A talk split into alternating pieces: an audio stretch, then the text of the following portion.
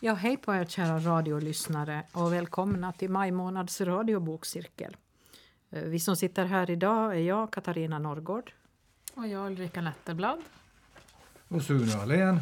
Och Ingemar Johansson.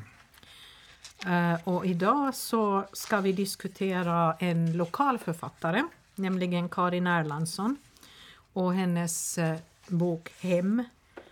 Eh, så jag tänkte berätta lite om Karin, om det nu skulle råka vara någon som har missat att hon bor på Åland och hon skriver väldigt mycket. Ehm, Karin Erlandsson är född 1978 i Nykabi. Nej, Nykarleby, ursäkta. Men eh, min hemstad, så att därför lite måste man ju dra till med det. Eh, hon har studerat litteraturvetenskap och kvinnovetenskap vid Åbo Akademi. Och eh, eh, hennes romandebut kom 2014 med Minkriket som utspelar sig i den lyckliga österbottniska staden och, och som var kandidat till Nordiska rådets litteraturpris 2015. Eh, hon har eh, nog varit nominerad till flera priser, hon har vunnit flera priser. Redan 2002 så vann hon Arvid Mörne-priset. Eh, hon har vunnit eh, Solveig von Schultz-priset 2012. 2017 eh, så fick hon Ursäkta mig, 2018 fick hon Runeberg juniorpriset för Pärlfiskaren som kom ut 2017. Och 2021 fick hon igen Runeberg juniorpriset för Nattexpressen som kom ut 2020. Och, och det här, hon har ju då till exempel gett ut en fyrdelad eh, fantasyserie som heter Legenden om ögonstenen som säkert många har läst. En ungdomsserie med pärlfiskaren, fågeltämjaren, bergsklättraren och segraren. Eh, hon har gett ut ett par eh, spänningsromaner, kan man väl säga. Missdåd och Pojken. Hon har gett ut Eh, hela himlens stormar där hon eh, diskuterar sin tro. Eh, och Alla orden i mig som kom 2019 och där hon skriver om sitt skrivande. Men som sagt, hon bor på Åland och hon skriver väldigt mycket. Och nu har vi gett oss in på Hem, hennes senaste bok då, som också är nominerad till Nordiska rådets litteraturpris. Så jag tror vi kör igång med diskussionen helt enkelt. Ja, vad, vad ska vi säga från början? Är det här... Det här är inte riktigt en roman, eller hur? Det kan man väl, det kan man väl börja med.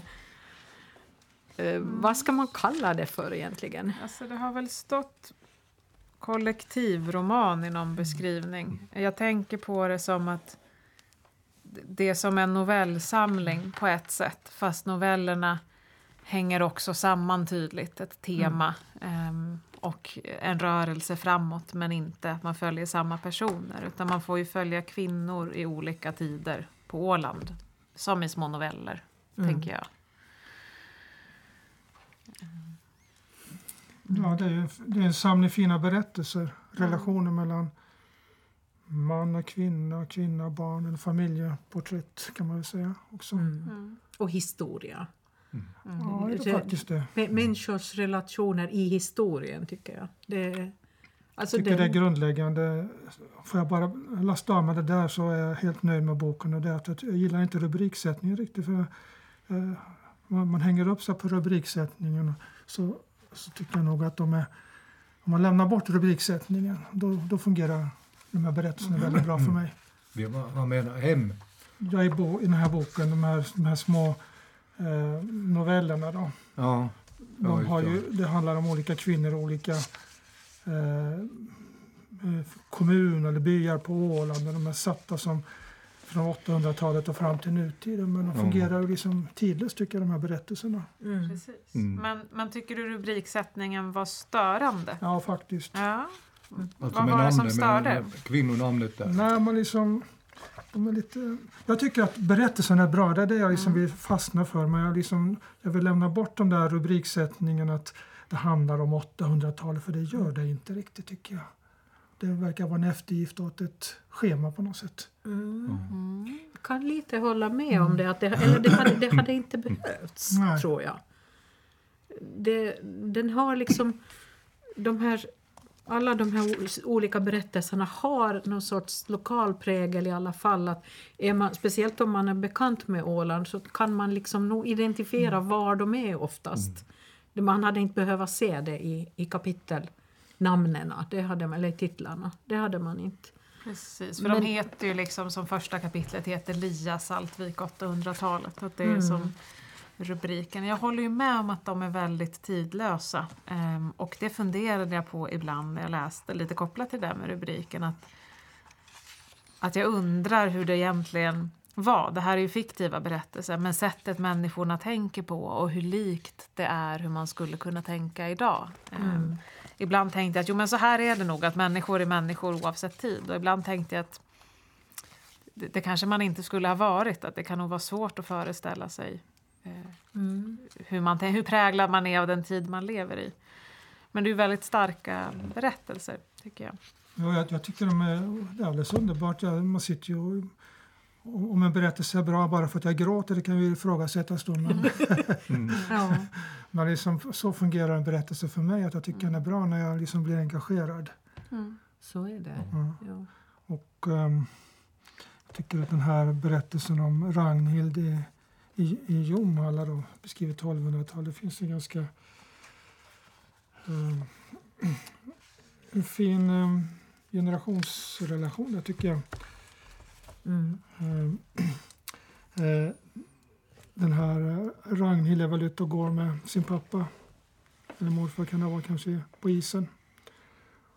Och eh, lilla flickan hon är lite rädd att inte isen ska hålla och då säger den äldre då om den håller för mig så håller den för dig. Mm. Och så när den här äldre mannen har blivit strax före döden kan man väl säga då. Mm. Då har då Ragnhild blivit stor och vuxen. Att om den håller för mig, då håller den för dig. Och jag han går efter. Mm. Jo, det, det knöt ihop det Jag väldigt tyckte det var en fint väldigt fin berättelse. Jo, jo. Det är väl ja, det är lite intressant att hon har fått in där just i den berättelsen med, med det här bygget av Jomala kyrka att det liksom eh, initieras av en enda man och, och det kanske nu inte riktigt är så där helt historiskt korrekt men vem bryr sig egentligen? För det är en väldigt intressant historia i sig och den, just den här relationen far-dotter tycker jag är väldigt vackert beskriven. Ja. När pappan börjar bli lite... Ja, han börjar väl bli lite dement egentligen. Och det här Känns historiskt det som. korrekt och Ja. geografiskt korrekt. Det är ju liksom lite ointressant när man läser en roman. Och bara, när man, egentligen bara om man bor på orten så kan man börja reflektera över Jo, jo. gator och vägar och hus och människor. Annars är det ju, om man läser en bok som kommer ifrån amerikanska södern eller någonstans i Afrika. Det. Då är det ganska ointressant för mig Ja. exakt hur det ser ut i, i verkligheten, om det finns någon verklighet. Jo. Ursäkta, hon har ju en, en kort liten passus där i slutet. Jag tror det är beskrivningarna, kanske i tacktalen eller tackskriften till de som har varit Mm. behjälpliga och, som betyder mycket. Och där står det att i, man kan leta upp det med någonting så här att i, om man tittar liksom efter fakta och fiktion så har hon tagit fasta på det senare. Mm. Och, och det, det är ju en, det är en författares uppgift liksom att eh, det stör inte mig så rysligt mycket. Jo, man kan titta på det att men nu har du missat lite här. Men det får flyta på. Det där med rubriksättning reagerar jag inte på. Det, det här är det svarta fåret i gänget. Men för mig blir det kanske mera belysande faktiskt att nu, nu nu vill hon beskriva någonting som hände då på 800-talet och så kommer det kanske in där 1945 då med en annan kvinna då, Flör och ja, traumatiskt värre i och med den här pappans upplevelser där och så vidare. Och så fortsätter det. Så på något sätt så... ja, jag kan ju säga, jag gillar inte noveller. Mm.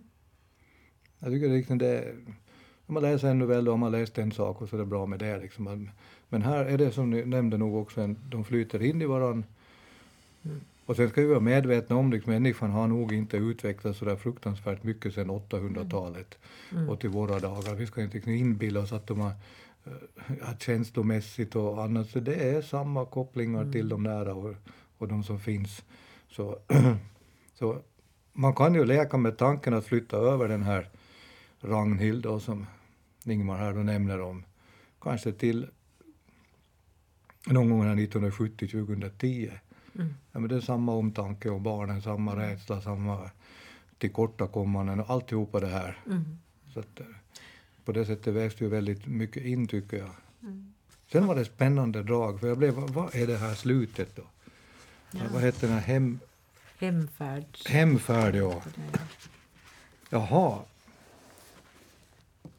Och så, så läste jag den och tänkte jaha just så. Och jag, det måste jag ärligt säga, jag tycker det här är ett otroligt intelligent drag att göra på det sättet. För jag tolkar det på det sättet att hon kör igång med berättelser från 800 till 2019.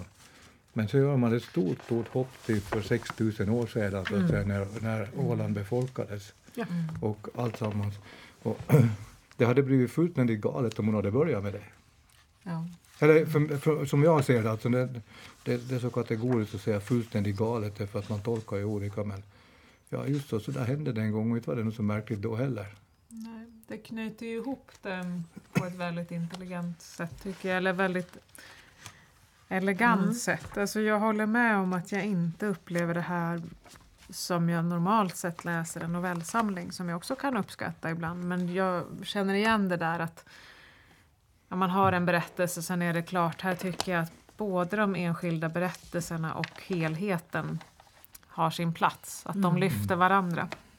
Eh, Och eh, jag tycker det är väldigt intressant grepp Mm. just att ha eh, Ofta när man läser fiktion som är skrivet i historisk tid så, så blir den så researchtung eller man märker att här, här är det kanske ändå så att författaren har liksom drunknat i hur intressant det var med historia. Men det här är berättelser och sen lyfter de känslan av att ja men just det, precis så att, att i historien så hade folk också pappor som blev gamla, eh, barn man kom ifrån, eh, Mm. sorger och längtan och hur evigt det är. Den är, ja, den är otrolig på det sättet tycker jag. Mm.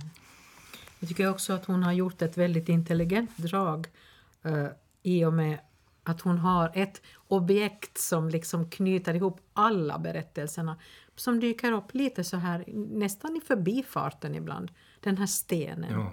För det, var, det är liksom en... en det, det, liksom, det håller ihop det hela. På något vis att den vandrar genom århundradena och uppfattas lite olika men den är alltid med där på ett hörn. Och det är liksom ända från början, eller från slutet då egentligen för 10 000 år sedan eller vad det var, 6 000 år sedan kanske, så är den med den här. Och det, det är ett, ett smart grepp tycker jag. Och där har vi det som jag reagerar på. Och tänkte att vad i tusan gör den där? Ja. Att den där med, den, om nu, vi kan, man kan liksom vara små upp, reta upp sig på vissa saker, och det är rubriksättning eller något. Den här stenen tyckte jag hon kunde ha lämnat bort. Att den, ja, men efter, gång efter gång, så när, när, när en ny kvinna kom här så tänkte jag nu, nu ska det bli spännande. Ja, nå, där har vi ju det redan. Jag håller nog med, det är ett smart drag. Att få se nu var den här stenen nu ramlar in här då. Mm. Så att jag fick liksom inte ihop det förrän på slutet. Då. Mm. Och där tog du lite orden ur min mun, Katarina. Att om det är någonting så att säga som är för evigt så är det ju liksom, en, så är liksom eller någonting, så är det ju kanske en, det, det starka, hårdare och stenen liksom som finns med där. Men ja, den fick en liten sån här att få in lite mystik och en lite metafysisk, eh, vad ska vi, ja, kanske det, in Ja, i, det i finns ett texten. stycke här om Maria i Geta då, som eh, hon håller på och skapar en, ett umgänge med Alfred i midsommar. tycker det är ett vackert samtal helt enkelt. Det handlar lite om den här stenen också. Eh, För de har suttit och pratat om att vara på sjön, att vara på land och, och vänta, liksom vad är det är det när det stormen ryter, eller att vara på land eller på sjön. Mm. Eh, då säger eh, Maria. Jag är rädd, sa hon. Jag är alltid rädd när pappa är ute och lotsar. Och han är då Alfred. De är väl i, vad kan det vara, 15, 17, 18 år eller? Mm. Eh, Jag är rädd, sa hon. Ja, han la sin hand ovanpå hennes, lät den dröja kvar en stund innan han tog stenen. Bara när far din är ute? Hon svarade inte. Han behövde inte veta. En storm på havet är inte alls samma sak som i land, sa han. Lät stenen rulla ner för berget en bit. Fångade den innan den försvann i vattnet. Jag vet det, sa hon. Han skakade på huvudet, rullade stenen än en gång hon följde den med blicken. Nej, jag tror inte att man vet förrän man satt sig i båten, sa han. När vi springer ner till bryggan viner träden omkring oss. En storm på land är så tung att den kan knäcka träd. Men så fort man lämnar bryggan är stormen lätt. Som maskrosfjun, sa hon. Jo, som maskrosfjun. Fast det är inte frön som flyger omkring utan skum och hav. Vinden tar i, vinden tar i och havet lyfter. Man är ingenting annat än en bräda. Man väger ingenting på havet. Utan när man sjunker, sa han, då väger man. Ja, man tänker inte så. Det enda man tänker på är båten på faret, den som man ska till och så vidare. Mm. Tycker det var rart samtal de hade på Det är ju det. stranden. Jag tänker också att, att eh, flera av de här, de flesta av de här berättelserna så har ju en huvud, liten huvudperson till och det är ju havet. Mm. Det, den dyker inte upp riktigt överallt men nästan i alla så är det ganska viktig del. Eh, I Finströmsberättelsen är det inte och det kan finnas förklaringar till det. De är mitt uppe på land men, men det är väldigt mycket hav. Mm. Och mycket havsnära. Ja. Och väntan. ja.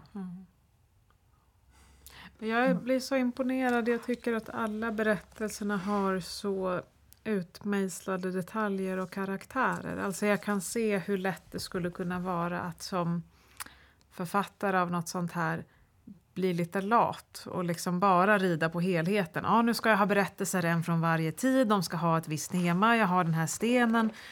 Ehm, Ehm, och sen lite slarva över själva de enskilda berättelserna. Men jag tycker att varje berättelse i den här boken hade jag kunnat läsa i sin egen rätt. Utan att den finns där bara för att ha sin plats i boken. Och så bygger de den här helheten. Jag blir jätteimponerad faktiskt. Och de här små detaljerna jag tycker hon målar upp. Jag får så lätt en bild av de här olika personerna. ehm, och de dilemman de ställs inför. Eh, de här små de här jättestora sakerna som är det lilla livet eh, med relationen till barn och släkt och längtan och väntan och det är väldigt starkt. Jag tänkte, jag hade en del också här som jag reagerar på. Eh, Det är ju också det är kvinnors relationer till män, både eh, hur ska man säga, misshandlande män och, och också go, goda män. Eh, Men jag hade en, en som jag tittar lite extra på. Och det är, det är Berta på Kumlinge. Eh, och det är då, ja det utspelar sig 1808 enligt boken då. Jag tänkte läsa lite ur det. Det passerade Bertas bästa svampställe. Här hade hon plockat svamp varje höst sedan hon var barn. Det var på den här stigen hon gått efter att Eskil drunknat, kväll efter kväll när barnen somnat. Träden och blommorna betedde sig precis som vanligt, som om de inte visste vad som hade hänt. Det var vår och hon låg bland harsyra och vitsippor. Hon hade känt en lättnad så stor att hon trodde att hon skulle sväva upp bland grantopparna. Eskil gav sig iväg för att pimpla då barnen knorrade av hunger. Det var inget konstigt med det, så länge isarna bar tog han sig ut. Det var blidväder, men nätterna var fortfarande kalla. Jan hade velat fara med, men Berta hade sagt åt honom att stanna. Veden måste bäras in. Havet tar och havet ger, sa prästen vid jordfästningen. Men havet ger aldrig tillbaka, det visste Berta. Det som havet en gång tagit lämnades aldrig åter. Havet förstod inte vad lån innebar. Hon skulle aldrig mer behöva få ut barnen på gården när Eskil muttrade. Säga åt dem efteråt att blonnorna längs kinderna var blåbär hon hittat. Ja, tänk, till och med på vintern hade hon hittat blåbär. Hans kropp flöt i land när isen gick upp. Sparkstöttingen hittades vid Ramsholmarna. Den stod med framändan fastkörd i sanden som om Eskil hade försökt sparka sig rätt ner i helvetet. Och det här, det här var liksom... Det, håret reste sig på huvudet. Det, var, det är väldigt starkt skildrat, tycker jag. Det är, liksom, det är inte så att hon skriver han är en misshandlande skitstövel, den här Eskil. Det förstår man av det man läser, men det är inte så där... Det skriver, hon skriver inte på näsan på, på läsaren någonting. Jag tycker det är väldigt... Ja, det är Ja. starkt. Ja. Sen har man ju en... Men det, har, vi- det är det som är intressant i ett sånt här samtal, att vi kan hoppa lite hit och dit och, Mm. och kanske på det sättet få de som lyssnar att faktiskt ta till sig den här boken för att det är nog klart värt att göra det. Jag tycker, jag tycker till och med att den borde vara, vad ska vi kalla det, examenslitteratur. Om man nu ska ha någon slags kunskap eller lära sig någonting. Ja, den är uppbyggd på det sättet att du kan få Mm. En, en inblick i det hela. Nej, men jag tänkte på det här, de, vi har ju de här två, de här två, vi har Karla och sen det som jag kan Berta, det är 1714 och 1808. Nå, om man läser en bok så läser man det som hände då, men ändå så kan man, är det väldigt lätt att man kopplar liksom till nu. Mm. Och det, där, där har vi ju ett tema.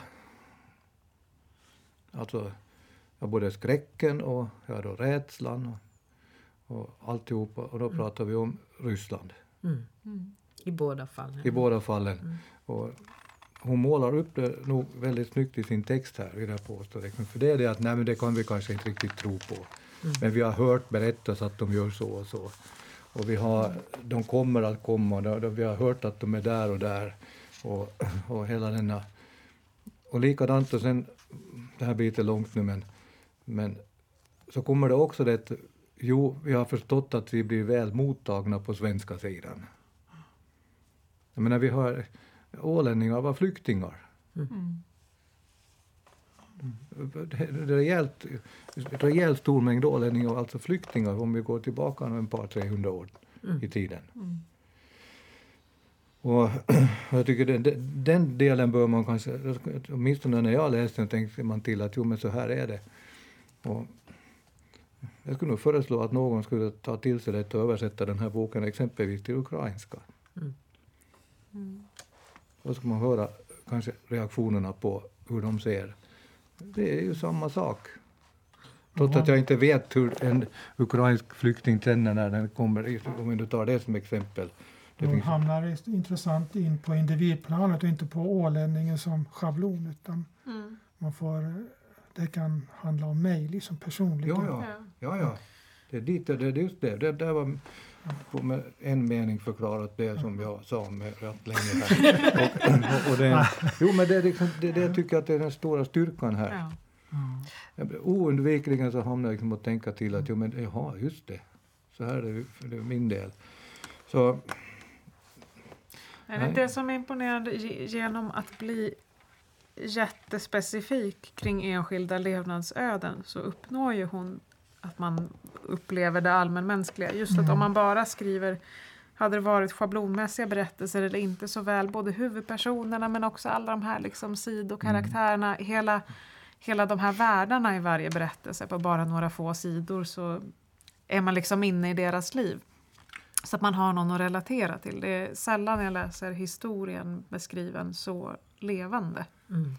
Jag, jag tycker de här, om, vad heter boken av Kerstin Ekman vi pratade med tidigare, Löpa varje. Löpa. Sen har vi, den har de här små fina personer eller relationsbitarna liknar varandra tycker jag. Jag, jag tänker att de påminner om varandra i det här vi pratar om, liksom mycket, mycket bok per sida. Att genom att eh, eh, Karin Erlandsson skriver ju väldigt kärnfullt eh, och på ett sätt avskalat, eller jag skulle säga specifikt. Eh, det är inte onödigt där, utan det som finns på sidan är det som krävs för att berätta berättelsen. Eh, och då blir det väldigt starka bilder. Eh, det, det är kärnfullt. Man får återvända till det som stör mig, de här rubriksättningen då. Det är att man har då eh, eh, stora ofreden och sådana här saker. Att det är tidsbestämt Mm. eh, historiskt. Men så kommer man in till de här eh, mer massmediala eh, problemställningarna. Våldtäkt eller lesbiskt förhållande. Att det, det, liksom, det håller inte riktigt i, i skalan där tycker jag. För att eh, de här problemställningarna fanns ju redan på 800-talet antagligen med våldtäkter inom äktenskapet och, Mm. och, och eh, tycka om varandra fast man har samma kön och så här. Mm. Det, det, är, det är inte speciellt eh, 1970 eller 2000-talsfenomen. Precis. Jag, tänk, ja, jag tänker ju att, att jag gillar nog att det är den här blandningen Mm. av de tidsspecifika sakerna och de helt eviga sakerna som alltid kan dyka upp. Ehm, Men att, jag, att de här personliga problemen tänker jag inte är tidsbestämda. De hade kunnat vara i vilken som helst av berättelserna. Ehm, Men jag gillar nog de här rubrikerna ändå. Jag tycker det lyfter den här, den här blandningen av att att å ena sidan är väldigt bundet till en tid och att å andra sidan hade man plockat bort rubriken så hade det kunnat utspela sig nästan när som helst om man Mm. bara tog bort några tidsdetaljer. Det tycker jag är spännande. Jag tyckte det var kul att läsa jag har inte riktigt, visste inte om att det fenomenet fanns tidigare, att hon som sam, läste någon veckotidning och samlade på souvenirer och skickade efter souvenirer från olika Mm. eh, bekanta eller som man blev bekant med via tidningen. Man annonserade i tidningen och ville ha souvenirer från olika städer. I, Mm. I Sverige var väl det här antagligen då. Ja. Mm. Det där, jag, jag tycker precis att jag skulle komma ihåg att det var någonting sånt där som var typ Hemmets veckotidning Ja. eller sånt. Att det fanns de där annonserna. Folk skickade in och, och ville ha såna här vimplar från olika orter och sånt. Och det var ju sånt som man... Ja, när jag var barn så var man ute och reste någonstans. Jag har någon vimpel någonstans från Mora till exempel. Ja men det måste man ju ha. när man hade varit dit och fått träffa Mora-Nisse på riktigt. Men det var ett Ja. bra sätt att få bekanta lite här och var Mm. relationer. Jo, jo. Det fanns inte Facebook då. då skrev Nej, det var dåtidens sociala medier. ja. Ja, men det är, kanske den här stenen har någon sån betydelse också. Över tid. Den Ett socialt medie av en över tid. so- souvenir över tiden på Ja. något vis. Ja.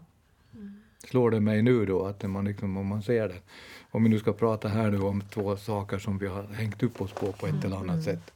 Så finns de ju där. Det, det var intressant att höra Karin Erlandssons beskri- ja, kanske motivering om det här stenen. Men inte egentligen heller, det, är upp till oss läsare. Men i övrigt tänker jag liksom jag. de här berättelserna, de är ju, det är ju inte så att de här personerna nödvändigtvis har med varandra att göra. Utom där mot slutet så är det ju den här, den här berätte, sista berättelsen i vår tid, 2019, så hänger ju ihop med den här från 1945 och den här telefons, eh, icke-existerande telefoncentralen i Röjsböle.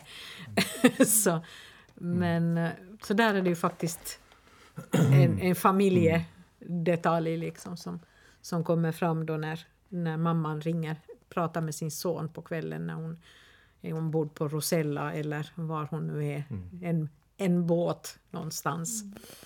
Det är klart Rosella. Jo, jo. Ja, utom att hon övernattar i Sverige. Ja, nej, men det är en, ja, nej, Ja. eftersom det är min, mitt resande hem, om man säger, jag åker ju väldigt mycket så det, det där såg jag med en gång. Det, Jo. och det där är intressant för att eh, här ser man liksom det man har som en egen referensram och egna upplevelser. Mm. Så no, no, no, de kommer så lätt in på det här. Och där, när jag läste den här berättelsen om Caroline då, som är denna, denna jag vet inte vilken titel hon har, men hon, hon skär väldigt mycket grönsaker. Kallskänka, det måste det vara, ju, Mm. grönsaker och så, och så.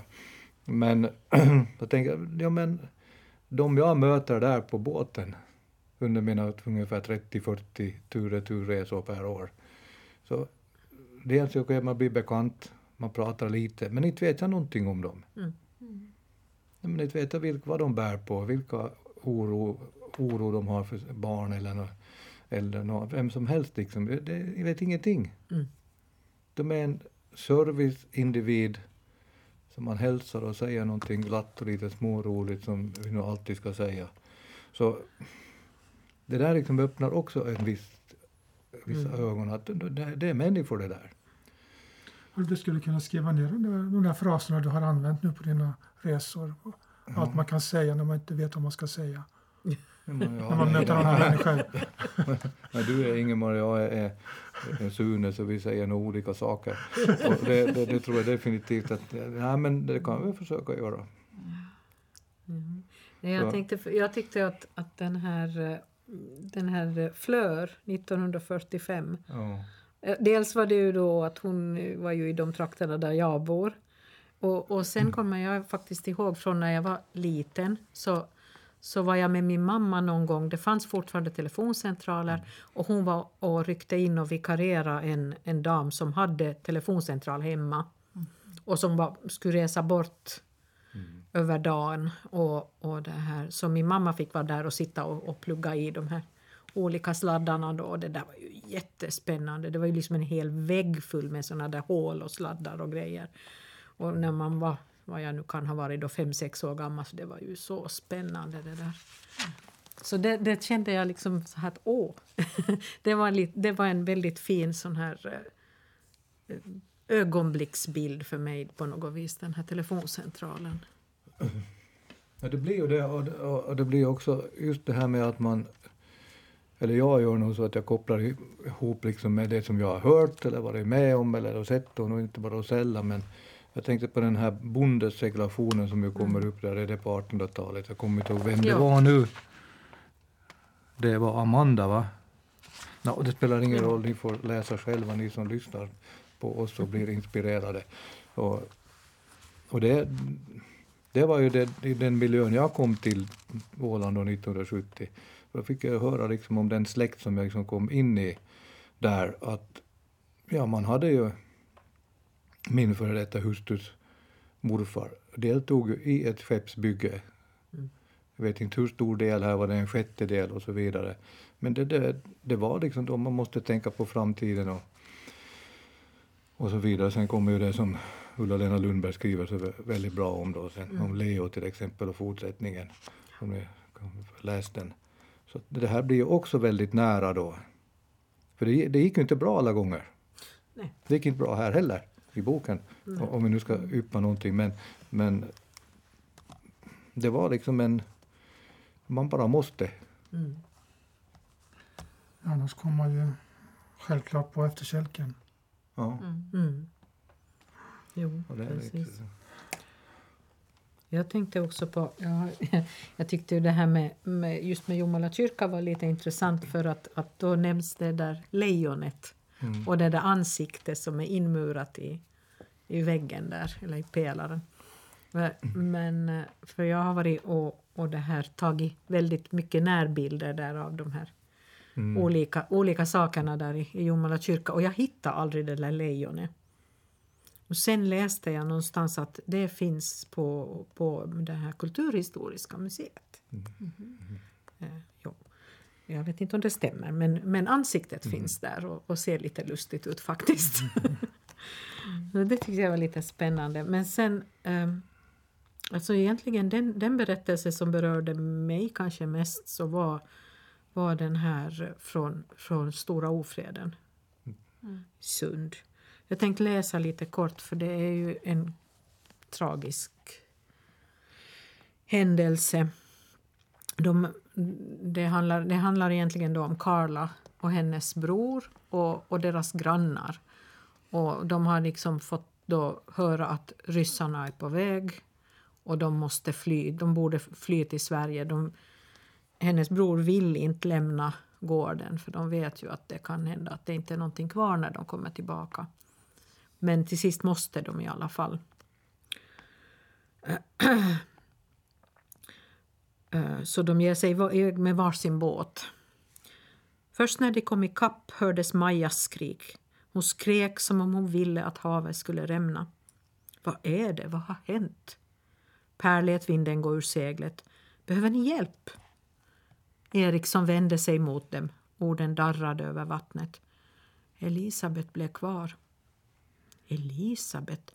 Men de hade kommit så långt. Karla hade trott att allt var bra. Maja reste sig, var halvvägs över relingen innan Eriksson kastade sig över henne och höll henne om midjan. Erikssons och Majas andra två barn satt i fören, tätt intill varandra. Vi såg när de tog henne, sa Eriksson. Tog de henne, sa Karla. Pers röst var så låg att den inte hördes över till den andra båten. De säljer dem, sa han. Barn och kvinnor är dyrast, så officerarna passar på att tjäna pengar. Han la till, men att de kunde ta Elisabet, hon är så liten. Maja vaggade fram och tillbaka, Eriksson höll om henne. Karla visste inte om han höll fast henne eller sig själv. Ryssarna kunde få rågen, tänkte hon. De kunde ta korna och huset och hemmen, men barnen måste de låta dem behålla. Hon kanske kommer till en snäll familj, sa Per. Han var tyst en stund. Kanske hon kommer till någon som är rik.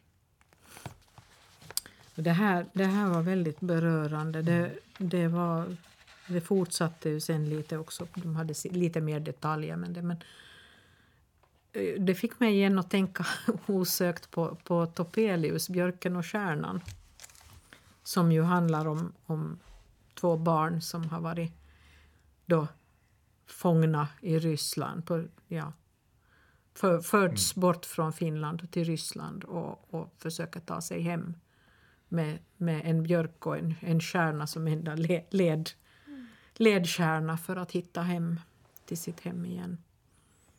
Det, den, där, där får jag nog erkänna att då kom nog näsdukarna fram. Mm. Ja. Jag håller med, den var väldigt stark den berättelsen och väldigt um Alltså det var ju skriven så att man verkligen befann sig där också. Tänker jag. Mm. jag tänkte på det i efterhand också. Att, att hon hade valt, att, att Karin Erlandsson valde att skriva. Hon skriver inte ur mammans perspektiv, mamman som, som lämnar kvar barnet. Utan det att hon har valt någon som är lite vid sidan av gör att det blir ännu starkare för vi får se det som det verkligen ser ut mm. eh, med en mamma som är utan sitt barn. Medan hade det varit ur mammans perspektiv då är chocken så stor, man kan inte få alla detaljerna kring, kring hur hon liksom nästan vill kasta sig ur båten. Eh, att det, den var väldigt, väldigt stark. Mm. Mm. Sen tänkte jag på, på det här, eh, en till av de här berättelserna som jag tyckte var den, den hade en sån här intressant tudelning och det var ju den här från 1970-talet, Tola. Uh, och, och den, här, den där beskrivningen, som jag nog har förstått det lite, av en sjömanshustru med en man på långfart. Det där skillnaden mellan Tola när han är ute och Tola när han är hemma. De är helt, två helt olika personer. Och där har jag förstått att det var ganska vanligt, just speciellt när mannen var länge borta. Eh, så var det liksom med min svärmor också. Svärfar var ute på långfart och kunde vara borta ja, sex, sju månader och kom hem. Och, och, och, och då, då var han ju boss. Mm. då, då var det ju liksom, han var ju husbonden. Mm. Men hon hade ju varit van att sköta sig själv och vara självständig ett halvår och så kommer han hem och ska börja bestämma. Mm. Och det blir, kan bli konflikt. Det, där, det kändes väldigt uh, rätt på något vis. Att det, det, men hon, hon dolde det ganska bra, personen Tola. Mm. Hon hade sitt, sin, sitt jag när han var borta, när hon bytte mm. souvenirer med folk och, och, och liksom brevväxla med människor och så här. Och, och sen och jobba också sen förstås. Och sen, sen när han kom hem så då var hon den här som skulle klä på sig raffset och, och, och vara liksom stå till tjänst. Mm. Ja. Jag undrar hur, hur uppfattar ni det liksom? Ja, som, ja, som jag sa tidigare, att de är väl kanske rätt tidlösa de här berättelserna och inte, de är inte tidstypiska för en viss, mm. eh, viss eh, viss år eller viss eh, årtionde utan det är ju någonting som eh, förekommer alltid. Liksom, jag läste det här, en bok från, som skiljer 1300-talet och då var det tre saker som, tre saker som en kvinna kunde göra. Hon kunde, hon kunde vara prostituerad, hon kunde gifta sig eller hon kunde gå i kloster. Och de tre så var att gå i kloster det bästa. Mm. De andra två var inte särskilt fördelaktiga. Mm. Så att det här... eh, Att, att brännmärka ett visst årtionde och att alla andra skulle vara befriade från den här typen av berättelser. Det, det förresten, det tycker jag är lite um, mycket... Det är inte så länge sedan det som hände i hemmet eh, var utanför lagstiftningen. Eller, Mm. Så är det. det, det kunde pågå... Ja, myndigheterna lade sig helt enkelt inte i slagsmål och våldtäkter i hemmet. Ja, det är ju det här just när man, man får nyfikenhet att var, varför väljer författar, författaren i det här fallet och Karin Erlandsson att placera in dem där? Om man, nu- om man, om man tänker sig att, att, att flytta över den här Tola till ja, någon, hur skulle man formulera det då? Det, det, det, det är en ganska problematisk frågeställning tycker jag. Det är mycket viktigt där du säger att det som låg utanför lagstiftningen under lång tid men ändå förekom. Mm. Att vi får det någon, så blir det här då mera re, realistiskt eller mera verkligt liksom, därför att nu är det faktiskt så att det här, här handlar det om en, en handling som ju är faktiskt till och med beskriven i straffbrottsbalken. Mm. Så att man får någon, Men jag tänker det- det- att, ja, jag, jag tänker att alla berättelserna eh, att det liksom är rekvisitan som, som styr vilken tid det är i. Eh, Och att det är en av det. sakerna jag tar med mig från boken på något Ja, sätt. ja, Att mm. ehm, berättelserna berättar om saker som vi hade kunnat byta plats på de här berättelserna. Och jag tror att Karin Erlandsson hade skrivit dem jättebra eh, då också. Eh, om man sa att nu måste du flytta historien om att ha ett barn som inte utvecklas normalt i 70-talet. Då hade hon kunnat ta in samma rekvisita, berätta lika trovärdigt. Eh, och- det är det som skiljer sig mot en del annan historisk, eller litteratur om historisk tid jag har läst. Att det här... Jag tror på tiderna men jag tror också på människorna och berättelserna och att de hade kunnat få i vår tid. Fast, Men alltså, det är ju någonting jag saknar och då kan man säga att om jag saknar någonting så får jag väl skriva den boken själv då. Men, men liksom det. kommer, kommer rösträtten in här, kvinnans rösträtt, kommer den in här någonstans? Tycker jag, om, om, om man nu ska hitta tidstypiska epoker, är inte det en ganska viktig bit i... Men eh, ja, Nej, jag, jag, jag, jag hittar den ingenstans, jag saknar den inte heller. Alltså, när jag, menar, alltså, när jag, jag, jag saknar att kvinnor inte haft rösträtt eller inflytande på det sätt de var, borde haft under alla tider. Det, eh, Förstå mig rätt nu. Men i den här boken så vet jag inte riktigt hur... Ja, det skulle säkert ha det gått för att jag är ingen författare. Jag, tänker inte, jag har inte ambitioner att bli heller. Även för det som jag saknar i texten så tänker jag liksom inte ens försöka på för det kommer inte att bli någonting bra av det tror jag. Det är ju tur att det finns såna här. Men, jo, det är viktigt. Kanske hon också skulle kunna fört in en av de stora sociala reformer, ja reformer, man har vilken uppfattning man vill sen, det är också moraliskt, men till exempel när preventivmedlet kom, som ju gjorde faktiskt kvinnans frigörelse, tog långa, långa stora steg. Så kanske det finns med på något sätt här om man liksom tänker lite i den här 70-talsbeskrivningen av 2019. Den bör ju finnas med där för den var ju aktuell då. Men ja, det, det finns mycket. Jag måste säga att jag tycker nog om det, att det inte är em, på något sätt eh, att det är de viktigaste historiska händelserna eller kvinnohistoriska händelserna som plockats ut, utan att det är att leva i historien men inte specifikt de delar av historien bara som man läser om en historiebok, utan att, att världen bjuder på tillräcklig dramatik eller jag tycker det är något som skiljer ut boken tvärtom. Att den, den ska liksom inte täcka in allt. jag tänker också att det, det är... Jag menar, visst har du ju några historiska händelser, eller sådana lite större. Jag menar, eh, Stora ofreden, ja definitivt. Det är en ganska stor händelse. Eller byggandet av Jomala kyrka. Jo, det är en stor grej, åtminstone lokalt. Men, men till exempel den här Maria i Geta, det är ju bara en stillsam midsommarafton och lite svärmeri i det egentligen. Med by, en bypojke som hon har ett gott öga till. Det, det är ingen, inga stora, jättestora händelser eller någonting sånt utan det är mer det är en liten, en liten ögonblicksbild ur ett liv och hur, hur det liksom kan...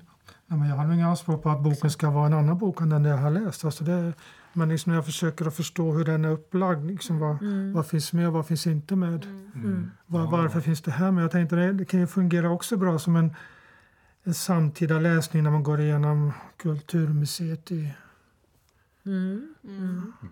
Och jag tänker att den här skulle kunna vara ett väldigt bra, en väldigt bra läsning i högstadiet eller, eller i gymnasiet. Ja, Till exempel. Ja. Ja, inte läro, jo. Ja, alltså jag den är ju, det det. är ju fiktivt i alla fall. Men, Mm. men just så här att, att få, få in liksom någon sorts... Mm. Ja, jag vet inte hur jag ska... Hur jag tänker Ja, då kommer in egentligen. lite på pedagogiken och det är just det som jag tycker att man saknar i skolan och som har kommit in med i den, mera i den nya läroplanen. Mm. Och det är ju detta att det behöver inte vara de här torra, tråkiga uppräknande av fakta som årtal där man glömmer ganska fort och händelser som kommer så fortsätter till nästa händelse och så. Utan att få in den här förståelsen, till exempel just i, ja, låt oss säga, religiösa texter. Men också texter av den här typen. För det, jag är helt övertygad om att för många så ger det här mycket mera kunskap om en kvinnas, kvinnor, barns och män ävenledes situation under årtiondena, århundradena som har gått. Ja, någonting som jag tycker att den för med sig som jag inte kanske tänkt på det sättet tidigare det är just att, att historien är ju på något sätt egentligen en, en kedja av en massa individuella levnadsöden. Att det är liksom inget speciellt att när man levde i historien då var det på ett, ett speciellt sätt helt skilt från vanligt mänskligt liv utan det var eh, lika fånigt och ömsint och känslofyllt åt alla håll. Däremot så kan jag tänka att jag tror den blir en betydligt starkare läsupplevelse när man har lite mer livserfarenhet med sig i bagaget. Eh, Just för att det går att fylla på med egna känslor och erfarenheter. Det är så väl gestaltat. ehm, men man, man är bättre på att läsa in eh, hur starka berättelserna är när man har levt lite mer, Mm. tänker jag. Ehm, Jag tänker också, jag tyckte just eh, den här Bertas historia från 1808 var det väl då. Eh, jag kan, jag kan liksom verkligen, där känner jag att jag är med dem under de här granarna ute i skogen när de gömmer sig för, för de svenska trupperna. Ja, för det är de som kommer först. Och Jag sen, tyckte det var lite för mysigt. tyckte du? Jag tyckte det kändes lite kallt, ja, faktiskt. Jo, men jag tyckte det var lite, lite småtrevligt där under granen. Ja, hon försökte ju se till att barnen skulle se det så som ett äventyr och en, lite det, sagoaktigt. det var den sidan jag tog till mig. Ja, ja. Du var barnet och Du inte var- mamman. du var barnen. Nej men jag håller med, jag tycker det finns många av de här um, moderskapsupplevelserna liksom, som jag nästan känner fysiskt i kroppen. Att man är där och försöker Ja. få barnen att uppleva det som något annat än vad det är för att de kommer först. Eh, Mm. Det är väldigt starkt på så sätt. Och det tänker jag, de blir ju säkert starkare om man har burit med sig sådana erfarenheter Mm. läsningen. Ja, det är ju egentligen det är ju samma sak också med den här Flör. Och där är det ju faktiskt, det är egentligen den enda av de här berättelserna som är ur ett barns perspektiv. En liten flicka som inte riktigt förstår varför, varför pappa inte kommer hem och, och varför mamma är ledsen hela tiden. Och, och det här, det, det är väldigt svårt för henne. Hon, hon ser ju allting ur sitt barnpers, barns perspektiv och då får hon sån här magiskt tänkande får man väl säga nästan att om hon låter bli att äta så mycket eller nästan inte äta alls så, så på något sätt så kopplar hon ihop det med att, att, Så- att allting blir bättre av det. När pappan kommer då så känner hon igen sin pappa, inte på honom utan hur mamma reagerar. Jo, Ja. jo. det tyckte jag var väldigt, ja. väldigt, väldigt väl beskrivet. För hon, hon, hon känner ju inte igen honom egentligen. Han är mager och han, han låter inte som han ska. Men mamma, är precis, mamma reagerar precis som att som om det var pappa, fast hon inte kan riktigt förstå att det där kan väl inte vara han. Och det är många sådana delar i den här boken, tänker jag. De här detaljerna med en sån skärpa kring hur människor reagerar i olika situationer Mm. som gör att man tror på den och berörs av den. Eh, tycker jag verkligen sticker ut. Alltså det håller en otroligt hög nivå. Från eh, den här kvinnan som fick sitt barn eh, taget av ryssarna till Mm. eh, barnet som ska tolka in att det är det pappa som kommer hem. Att det är Mm. liksom varje novell har så otroligt starka bilder. Jo, och, och också den här mamman på 800-talet som får, föder ett handikappat barn. En, det, det är också väldigt, väldigt starkt beskrivet hur mycket hon älskar sitt barn. Hon verkligen och, och, och liksom hur, hur hon reagerar när, när folk runt omkring reagerar. Ja. Ja. Är väldigt, väldigt starkt. Det, redan där kom nog näsduken fram lite. Ja, Jag gråter väldigt sällan till böcker men här, Ja, eh, det- ja, här bara flödar tårarna nästan varje text. Jag tyckte, ja. Jo, det var väldigt Ja, starka. så om man inte har gråtit på länge och tycker att det är dags då ska man läsa den här boken. ja, så är det faktiskt. Ja, men det är Kanske spännande det. just när du nämnde den 800-tals tals, eh, berättelsen där att hon, hon kunde ju faktiskt ha valt det som tror jag många skulle ha valt om vi beskriver den, denna eh, barn som då föds med handikapp. Och, för på den tiden så existerade ju utsättningen Mm. i allra högsta grad, det vill Ja. säga det var ära framför liv så att säga, man, man skulle bli. Men här väljer författaren det klokt och fint att visa på kärleken. Ja. Och det tycker jag hela boken är så genomströmmande Mm, nog. det är värme. Det är värme och kärlek är det. Så är det. Bra, Ja. Karin Erlandsson. Ska vi ta och börja knyta ihop det kanske? Vi har alltså pratat om eh, Karin Erlandssons bok Hem som är nominerad till Nordiska rådets litteraturpris. Och jag tycker åtminstone att den skulle nog vara värd det faktiskt. Ja, den är vacker och, och, och berörande. Jag tycker det är en otrolig bok. Eh, när jag hörde beskrivningen så tänkte jag att det inte skulle vara så roligt. För ofta när böcker har en, en bra idé så är genomförandet sen inte alltid så bra. Ja, jag skriver en kollektiv roman om kvinnor på Åland och så är det hela grejen. Och de enskilda texterna håller inte. Men det här är Mm. eh, ja, det bästa jag läst i år tror jag. Jag tycker den är jättebra. Jag tycker det är fina man säger, relationsporträtt.